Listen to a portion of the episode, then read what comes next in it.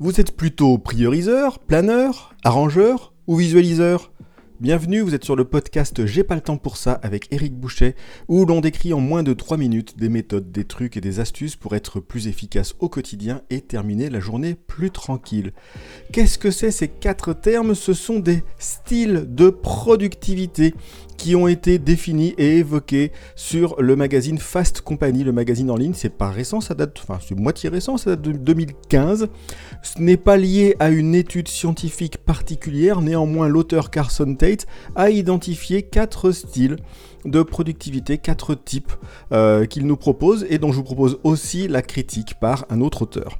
Alors, quels sont-ils? Le prioriseur qui préfère la pensée logique, analytique, basée sur des faits, et euh, la pensée critique et réaliste. Le planeur qui va préférer l'organisation, la, séquentialité, des choses qui sont planifiées et détaillées. L'arrangeur qui va plutôt être en soutien dans l'expression et dans l'émotion.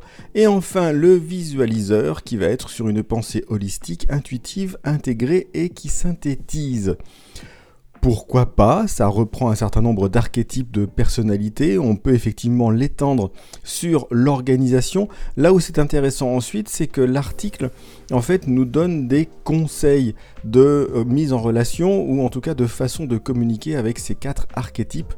Le premier, il nous dit avec un prioriseur, on va travailler le quoi quel est l'objectif, quel est l'attendu, quels sont les faits? On va éviter les ambiguïtés euh, et on va essayer d'être sur des choses très précises.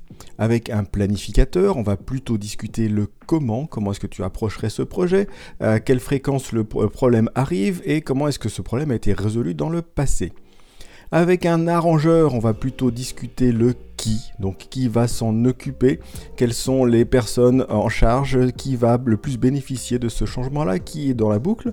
Et enfin, avec un visualiseur, on va plutôt travailler le pourquoi. Pourquoi ce projet est-il meilleur, pourquoi est-ce qu'on a fait les choses de cette manière-là, et pourquoi c'est important pour l'organisation? Ça, c'est la première grille de lecture. Dans l'autre article, et si vous lisez euh, ce podcast ou si vous retrouvez les notes, vous pourrez retrouver les deux liens. Ted Bauer, quelques années plus tard, puisque ça date de 2023, nous fait une lecture un peu critique de cette proposition, notamment du fait que, vous vous en doutez, nous sommes nombreux à avoir plusieurs de ces traits de personnalité et non pas un seul.